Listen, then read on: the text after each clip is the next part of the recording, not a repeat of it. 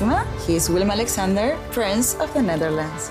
How did an Argentinian lady end up on Wall Street? That's a long story. Well, I have time. Mama, Oh, het is Maxima. ik heb er nog nooit zo verliefd gezien. Screw everyone. All I care about is you. Maxima. Vanaf 20 april alleen bij Videoland. Alice in Wonderland. Achter de spiegel. Aflevering 44 door Ashraf Kautet. Alice is in het bos de koning en een heraut tegengekomen. De koning vraagt aan de heraut wat er in de stad is gebeurd. Ik zal het fluisteren, zei de heraut die zijn handen aan zijn mond zette als een trompet en zich bukte om dicht bij koningsoor te komen. Dat speet Alice omdat zij het nieuws ook wilde horen. Maar in plaats van te fluisteren, schreeuwde hij gewoon zo hard als hij kon. Ze zijn weer bezig! Noem je dat fluisteren? riep de arme koning, die opsprong en over al zijn leden beefde. Als jij zoiets nog eens doet, zal het je lelijk opbreken. Het ging dwars door mijn hoofd als een aardbeving. Dan moet dat een eh, piepkleine aardbeving zijn, eh, dacht Alice. Wie zijn weer bezig? waagde ze te vragen. Hé, ja, de leeuw en de eenhoorn natuurlijk, zei de koning. Aan het vechten om de kroon? Ja, allicht, zei de koning. En het mooiste is nog wel dat het mijn kroon is en blijft.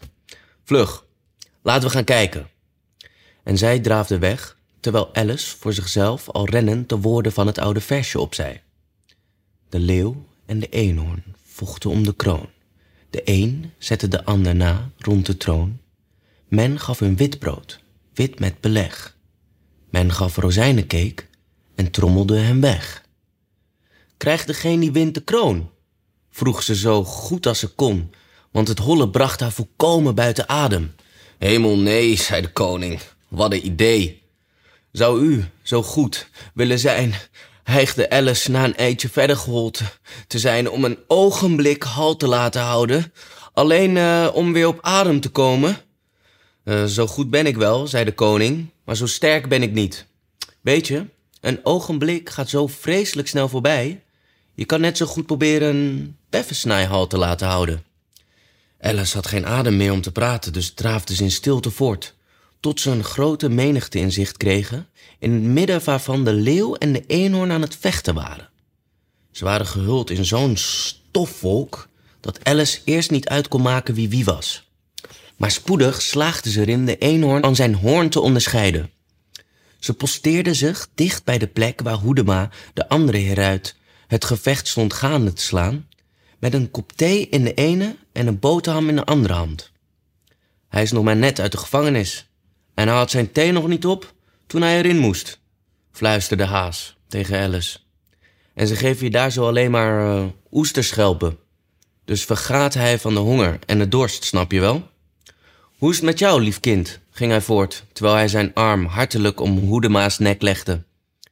Hoedema keek om en knikte en ging verder met zijn boterham. Heb je het fijn gehad in de gevangenis, lief kind? zei Haas. Hoedema keek nog eens om en dit keer drupte er een traan of twee van zijn wang, maar geen woord bracht hij uit. Heb je je tong verloren? riep Haas ongeduldig. Maar Hoedema kauwde alleen maar en dronk nog wat thee. Heb je tong ingeslikt? riep de koning. Hoe staat het met het gevecht? Hoedema deed een wanhopige poging en werkte een forse hap van zijn boterham weg. Ze doen het eh, prima, zei hij met een eh, gesmoorde stem. Ieder van hun is eh, ongeveer 87 keer geveld. Dan denk ik dat ze nu wel gauw met het witte brood zullen komen, waagde Alice op te merken. Wit met beleg. Het ligt al voor ze klaar, zei Hoedema. Wat ik hier sta te eten is er een stukje van. Juist toen was er een gevechtpauze en gingen de leeuw en de eenhoorn hijgend zitten, terwijl koning bekend maakte... Tien minuten vrij af voor verfrissingen. Haas en Hoedema gingen meteen aan de slag en brachten bladen met boterhammen rond. Alice nam er wat van om te proeven, maar het was eh, ja, erg droog. Ik geloof niet dat ze vandaag nog verder gaan vechten, zei de koning tegen Hoedema. Ga jij de trommelaars maar zeggen dat ze moeten beginnen. En Hoedema ging springend als een sprinkhaan weg. Een minuut of twee stond Alice stil naar hun te kijken. Plotseling vrolijkte ze op. Kijk, kijk, riep ze. Enthousiast wijzend, daar rent de witte koningin over het veld.